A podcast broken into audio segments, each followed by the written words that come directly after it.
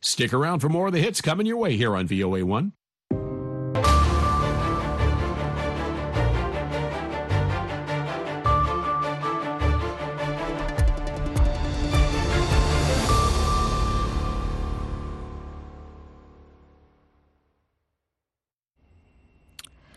Halkani waa washington laanta afka soomaaliga idaacadda v o e da ood si toos uga dhagaysanaysaan mawjadaha gaagaaban efemyada geeska afrika iyo caalamka oo dhan ood nagala socotaan v o a somaly com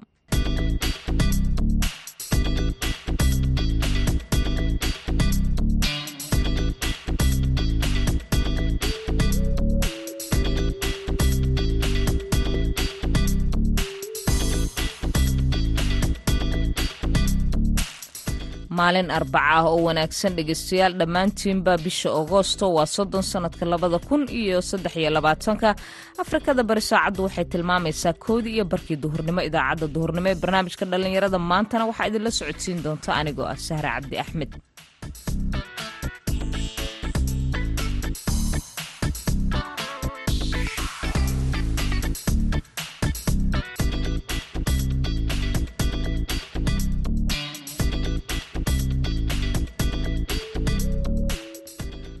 qodobada aad ku maqli doontaan idaacaddeenna duhurnimo ee barnaamijka dhallinyarada maantana waxaa ka mida madaxweynaha soomaaliya oo dhallinyarada ciidamada ah ku ammaanay doorkooda dagaalka ee ka dhanka al-shabaab.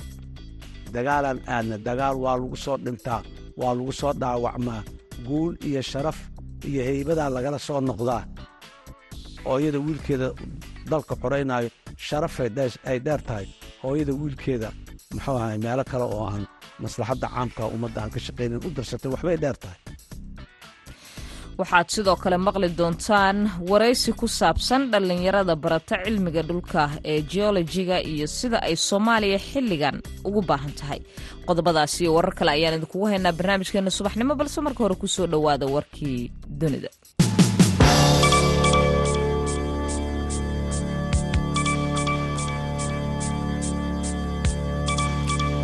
madaxweynihii hore ee soomaaliya sheekh shariif sheekh axmed ayaa waxa uu baaq nabadeed ka soo saaray xaaladda magaalada laascaanood ee gobolka sool isagoo ku baaqay in wadahadal lagu dhammeeyo colaadda. Dagaalkan waxa uu qaxiyey shacab aad u badan xaalado kala duwanna way ku sugnaayeen intii uu socday. Waxaa ku dhimatay dad aad u badan oo aan waxba galabsan oo iyagu dhibaatadaasi ay dhinac walbaba u saameysay. Sidoo kale ayuu yiri waana laga baaqsan karay sida uu soo dhigay bartiisa twitterka ee xagga baraha bulshada internetka. Wuxuu madaxweynihii hore intaasi ku daray maadaama ay dhibaatadu socoto in muddo ah horeyna baaqyo kala gedisan looga soo saaray. Waxaan mar kale ku celinayaa ayuu yiri in dagaal dambe uusan dhicin. Dadkii guryahooda ka barakacayna ay dib ugu soo laabtaan. Colaadana lagu dhammeeyo wadahadal isfaham labada dhinaca saraakiisha dalka ruushka ayaa sheegay in weeraro aad u fara badan oo ay fuliyeen diyaaradaha aan duuliyaha lahayn ee ukrein habeen hore lala beegsaday. Gobollo ku yaalo halka difaaca cirka ee ukrein ay yaalaan kuwaasi oo ay kaga jawaabayeen ruushka ayaa la yiri weerarkii cirka ee uu ku qaaday horaantii toddobaadkan ay ku qaadeen diyaaradaha aan duuliyaha lahayn sergey popko oo ah madaxa maamulka milatariga ee kiev ayaa sheegay isagoo ku warramaya khadka dhinaca telegramka in burburka dadkaasi ka soo gaaray guryihii ay ku hoos jireen ay ku dhinteen laba qof sidoo kaleetana qof kale uu dhaawac soo gaaray. Wuxuu ku tilmaamay weerarka ruushka ee ka dhanka a ukrein inuu ahaa kii ugu xooganaa tan iyo gugii hore amaba xilligii hore sannadkii hore iyadoo difaaca cirka ee ukrainna ay soo rideen in ka badan labaatan diyaaradood oo kuwa duuliyaha aan lahayn iyo gantaal. Duqa magaalada kiev ayaa waxa uu ku sheegay telegramka in sidoo kaleeto burburka soo gaaray. Qaybo ka mid ah dhulkii la duqeeyey ee deegaanada haatan ay yihiin kuwa dadku ay ka barakaceen guryahooda islamarkaasina uu si weyn u muuqanayo burburkaasi gobolka florida ee koonfurta bari ee dalkan maraykanka ah ayaa arbacada maantayta u diyaargaroobay duufaanta idaaliya oo ah qaybteedii afraad iyadaoo saadaalayaasha hawaduna ay sheegayaan in aagga xeebta ay suuragal tahay in duufaantu ay dhibaato weyn ay u geystaan qulqulka biyaha. Idiyaala ayaa waxa ay ku keentay roob xoogan gobolkaasi florida iyada oo markaasina bartamaha duufaantu ay soo ku soo dhowaatay xeebta gacanka gobolka ee leh dabeelaha xooggan ee joogtada ah oo ku socda in ka badan kilomitr saacadiiba xarunta duufaanta la socota ayaa sheegtay in diyaalah ay xoogeysatay qaybteedii afraad ee ugu dambeysay saacadan sida la filayana uu gobolkaasi filayo. Maamulka ayaa waxa ay ka daadgureeyeen oo ay qasab ku rareen dad fara badan oo deganaa deegaan aad u weyn oo dhulka duufaantaasi ay ku habsatay ah warkii dunidana waa naga inta.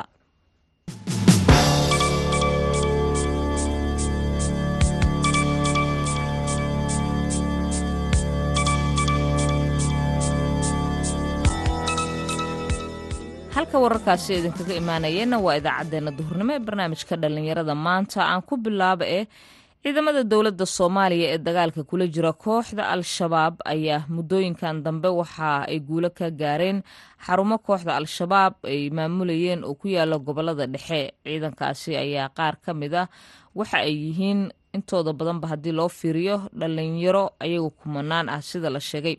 Madaxweynaha soomaaliya xasan sheekh maxamuud ayaa wuxuu ku ammaanay dhalinyarada howlgallada ay ka sameeyeen dhinacyadaasi ee ka dhanka kooxda al-shabaab haddaba shir jaraa-id oo uu ku qabtay magaalada dhuusamareeb madaxweynaha ayuu kaga hadlay xaaladda dagaaladii ugu dambeeyey ee kooxda al-shabaab lala galay iyo sida warbixintan uu ku soo dirayo wariyaha v o eda ee gaalkacyo cabdiwaaxid macalin isaaq doorka dhalinyaradu ay ku lahaayeen. Madaxweynaha dowladda federaalk soomaaliya xasan sheekh maxamuud oo ku sugan magaalada dhuusamareeb ee xarunta dowlad goboleedka galmudug islamarkaana hormuud u ah dagaalka ka dhanka ah maleeshiyada al-shabaab ayaa shir jaraa-id uu ku qabtay dhuusamareeb kaga hadlay xaaladda dagaalka ka dhanka al-shabaab. Madaxweyne xasan ayaa soo hadal qaaday dagaalkii dhowaan ka dhacay deegaanka coos weyne ee gobolka galgaduud oo ciidamada dowladda iyo maleeshiyada al-shabaab ay ku dagaalameen. Qiimaha intaas la egaan soo bixinay meeshaasaan ka soo bilownay maanta meeshaasaan joogna labada waxyaabood oo inaan kala saarno u baahan waxay tahay guud ahaan guusha dagaalka ee xoraynta iyo goob dagaal ka dhacay wixii ka dhacay. Waxaan xogta dhabta ah beenta lagama sheego. Xogta dhabta ah ee cows weyne waxay ku soo ururtay. Shabaabka nambarka ciidanka waa ka dilna ay yidhaahdeen inuu been yahay. Waxaa ku soo aruurtay tirada ay ciidankan ka dilna yidhaahdeen tiro ka badan boqol iyo sagaashan wadaar xawaalo wadareed inay dadkoodii dhintay ay ku duugeen waxaa intaas dheer inay dhaawacoodii iyagu dhammaystireen isbitaal uma hayaan daawo uma hayaan meel ay geeyaan ma hayaan inay iyagu dhammaystireen kuwoodii dhaawac ahaa xawaalo wadareedkaas ciidanka qalabka sida ee soomaaliyeed waa gaarayaa waana la baari doonaa waana la arki doonaa meelaha ay joogaan xawaalo wadareedka ay ka sameeyeen oo ay dadka jamaaciga ku aasaaseen oo ahaa ciidamadoodii. Madaxweyne xasan ma aanu soo hadal qaadin khasaarihii dhimasho iyo dhaawac ee gaaray ciidamada waa run wiilaa naga dhintay dagaalaan aadna dagaal waa lagu soo dhintaa waa lagu soo dhaawacmaa guul iyo sharaf iyo heybadaa lagala soo noqdaa? Hooyada wiilkeeda dalka xoraynaayo sharafay ay dheer tahay. Hooyada wiilkeeda muxuu ahay meelo kale oo aan maslaxadda caamka ummadda aan ka shaqaynin u darsatay waxbay dheer tahay. Waxaan leeyahay heybad iyo sharafaad leedihiin xuquuqdii dalkiina intuu awoodo maanta waa la idin siiyaa wixii dhammanna waa la idiin soo dhammaystiraa. Meeshii khalad ka dhacana waa la saxaa. Khalad la'aan ma ahaanayno bini aadanaan nahay. Meeshii khalad ka dhacana waa la saxaa.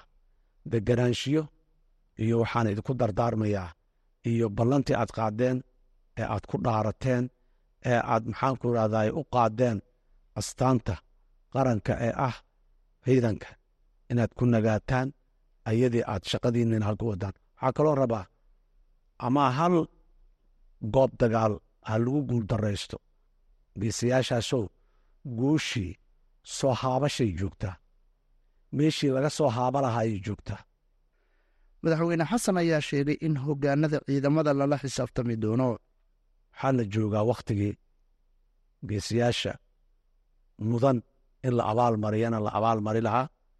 Waxaa la joogaa wakhtigii kuwa awoodda ciidankii la siiye ku takrifalay khiyaanada sameeyey dadka mardabdabeeyey waagii lala xisaabtami lahay. Bilowgeedii waa la joogaa waana la isla xisaabtamayaa dowladnimo waa isla xisaabtan. Kuwa ka shaqaynaya in ciidanka ay tashwiish geliyaan waa ogaada waa shabaab. Noogama sokeeyaan kan shabaabka ay qoraqa iyo qaraxa wato noogama sokeeyaan marka taas maalinteeda iyo waayadan utagana geesiyaasha ciidanka xoogga dalka soomaaliyeed ceebna ma lihidiin canaanna ma lihidiin waa dadaasheen waa qabateen dowrkeeda ku filna.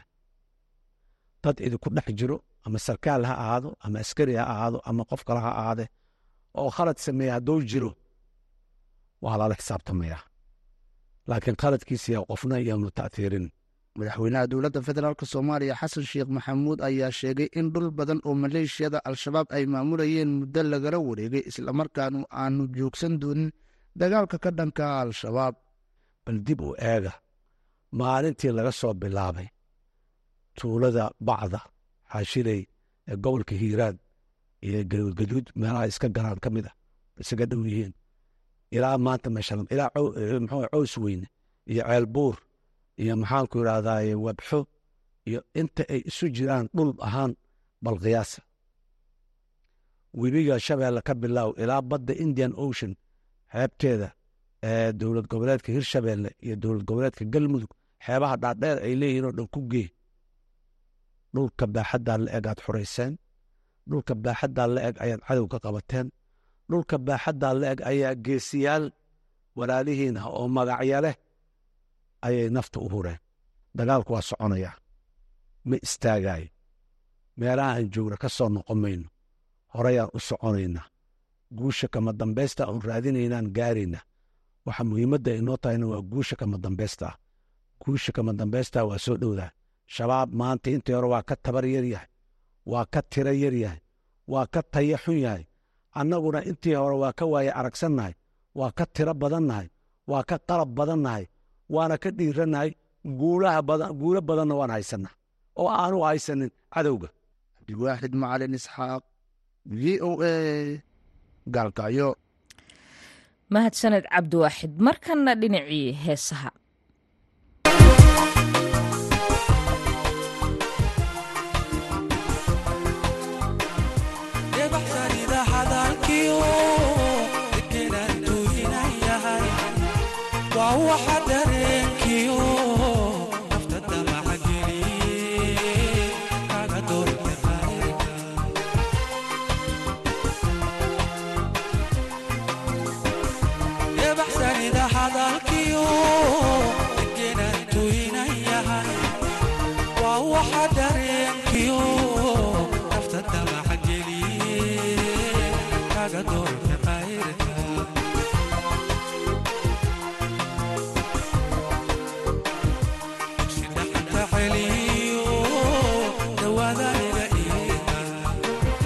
I'll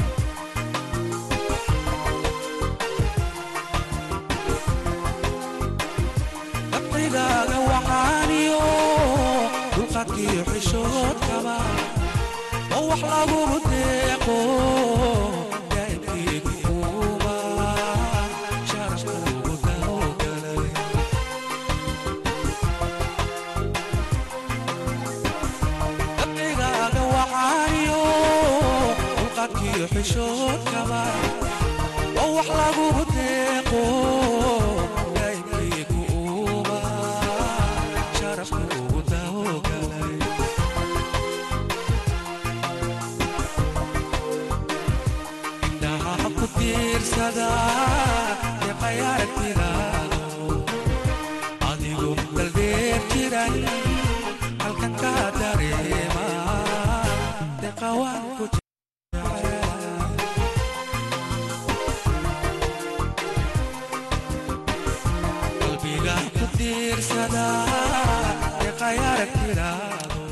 Codkaasi baxsan ee maxamed xasan xuseen lafoole intaasi aan kaga gudubna halkaasi aad ka dhagaysanayseena waa barnaamijkeenna dhallinyarada maanta.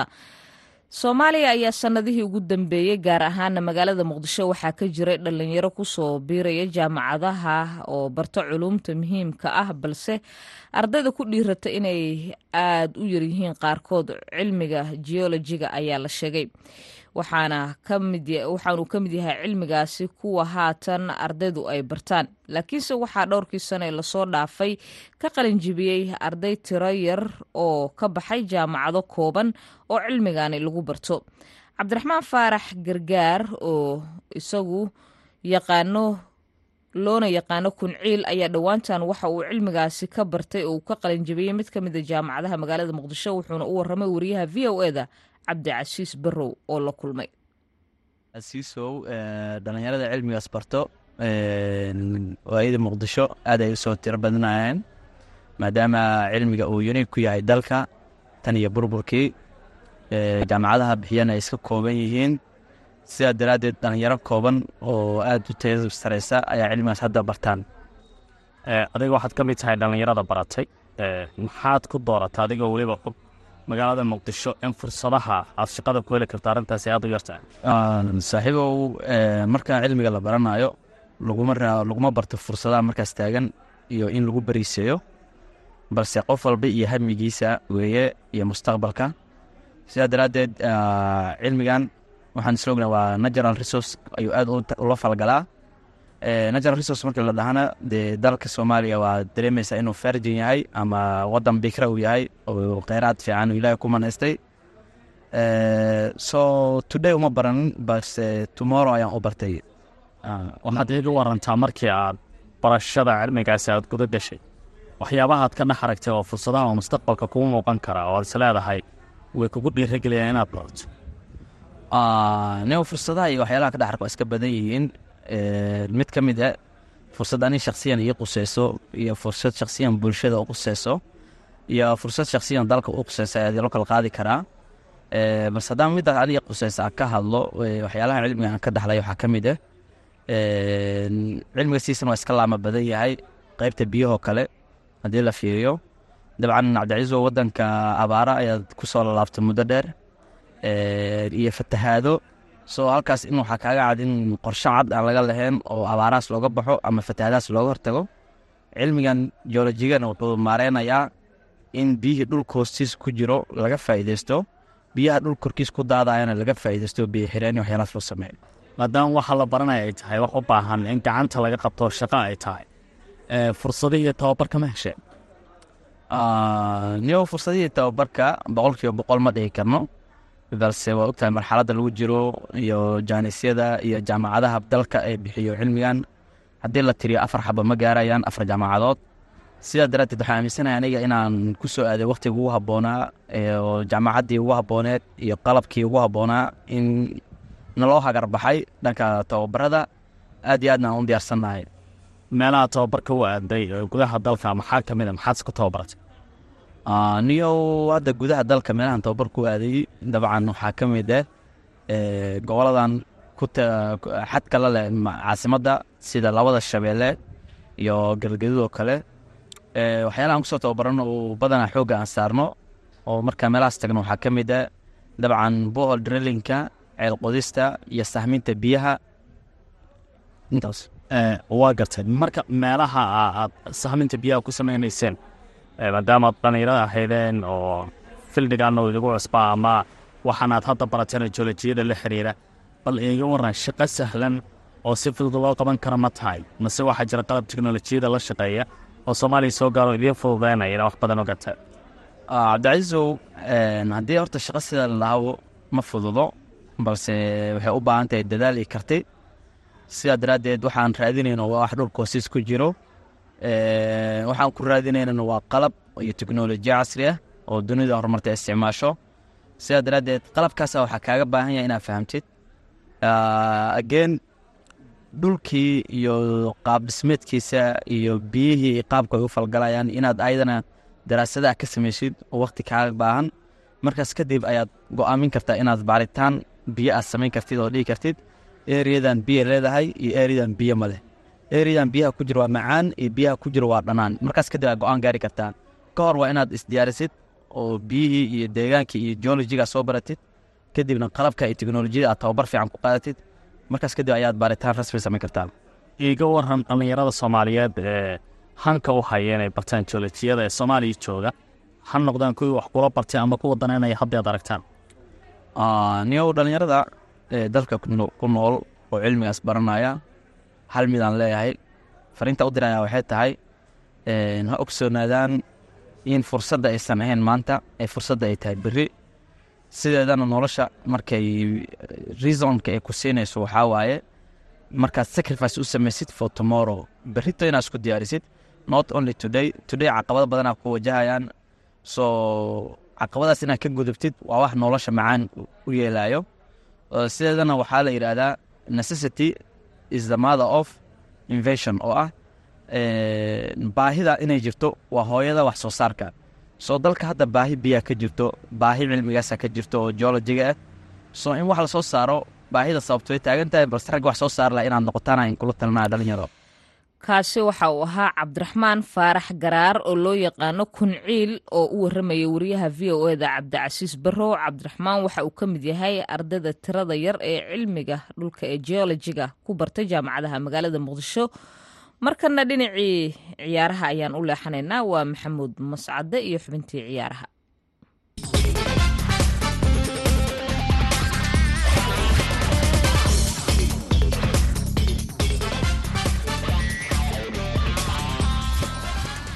kulan wanaagsan dhegeystayaal dhammaantiinba kuna soo dhowaada xubinta ciyaaraha. Aan ku bilaabay horyaalka kooxaha qaaradda yurub ee champions leaga ayaa habeenkii xalay ahaa kulamada hore ee sreereebka waxaa wada ciyaaray kooxaha kubadda cagta ee kalatasaray iyo molde. Kooxda kubadda cagta ee molda oo ka soo jeeda waddanka norway ayaana laba gool iyo hal lagu awood sheegtay oo kooxda kubadda cagta ee galatasaray waxay u soo gudubtay ciyaaraha gruubyada iyadoo ciyaaraha gruubkana qorotuurkooda la samayn doono maalinta khamiista ee bishan agost koob iyo soddonka tahay waa khamiistan fooda inagu soo haysa. Kooxda kubadda cagta ee banathanaikos ayaa iyadana hal gool iyo waxba waxaa ka guulaysatay kooxda kubadda cagta ee st baraga waa sportis club di baraga oo waddanka bortugiiska sidaasina isugeyn labadii lugood kooxda kubadda cagta ee baraga ayaa u soo gudubtay ciyaaraha gruubka kooxda kubadda cagta ee waddanka switzerland ka soo jeeda ee young boys waxay saddex gool iyo waxba kaga adkaatay kooxda waddanka israa'iil ee makabi haiva sidaasina young boys waxay ugu soo gudubtay ciyaaraha gruubyada oo sidaan sheegay koob iyo soddonka bisha. Maalinta khamiista ah isku aadkooda la samayn doono dhinaca iyo waddanka sacuudi carabiya haddii aan jalleecana kooxda kubadda cagta ee al nasar ayaa waxay afar gool iyo waxba ku dhufatay kooxda al-shabaab. Ciyaaryahan christiano ronaldo ayaa laba rigoore u dhaliyey kooxdiisa kubadda cagta ee al nasri halka ciyaaryahan sadio manina uu hal gool u dhaliyey kooxda kubadda cagta ee al nasri al-shabaab waxba lama aanay imaanin oo saddex dhibcood ayaa laga diirtay iyadoo garoonka eber kala baxday kooxda kubadda cagta alahlina waxay laba gool iyo waxba kaga adkaatay kooxda kubadda cagta altay al ahli ayaa ciyaaryahanada mahrez iyo franka kezi ay goolasha u kala dhaliyeen. Ciyaaryahan riyaad mahrez ayaa ka mid ah xidigaha caanka ka ahaa qaaradda yurub ee kooxda alahli soo xerogelisay dhinaca iyo haddii aan jalleeco suuqa kala iibsiga ciyaartoydana kooxda kubadda cagta ee manchester united ayaa wararku waxay sheegayeen haatan inay heshiis hordhaca la gaartay ciyaaryahanka daafac uga ciyaara kooxda kubadda cagta ee chelsea ee koreya. Ciyaaryahankan oo u ciyaara waddanka sbain ayaa lacag badan ugu kacay kooxda kubadda cagta ee chelsea laakiin haatan waxa uu muuqdaa xidig ka ciyaari doona gegida oo travord ee magaalada manchester iyadoo ciyaaryahankan ay kooxda manchester ku bedelanayso xidigoodii luke show oo dhaawac muddo kaga maqnaan doona kooxda kubadda cagta ee manchester united ciyaaryahan leonel messi xertiisa mayamina waxa ay caawa kulan adag la ciyaari doonaan kooxda kubadda cagta ee nashville waa kulankii labaad ee horyaalka waddanka maraykanka ee melaska waxaana lugtani ay ka dhacaysaa guriga kooxda kubadda cagta ee miami inter tan iyo sidii ugu yimid ciyaaryahan leonel messi hal kulan lagama adkaanin xubinteena ciyaarta ku soo gabgabayna tan kulan dambe oo ku dhaafaya sida ay nabadgelyo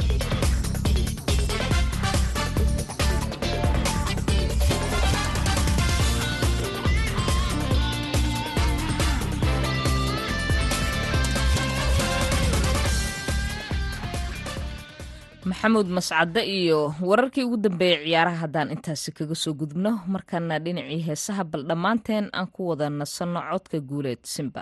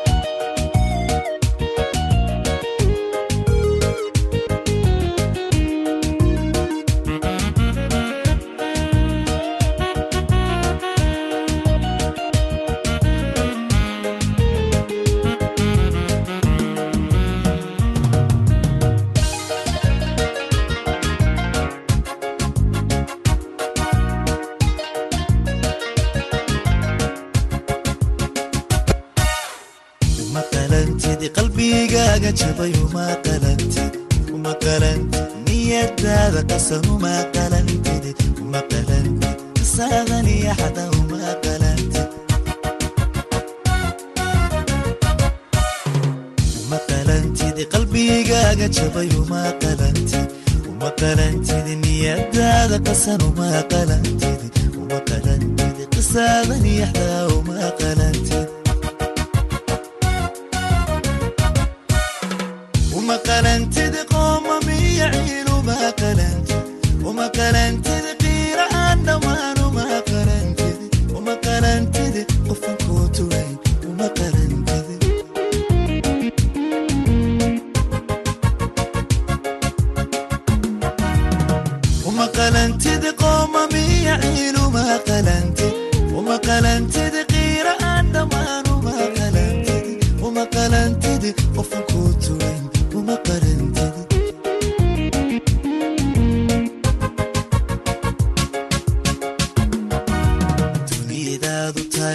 tahay qoraxadii shideeha qarsoomin qayrkaa hormuudadiigaahuwe haqabsoomin haka sugin qofnaba qosobkii farxadda hadahaasu leeye haka sugina qofnaba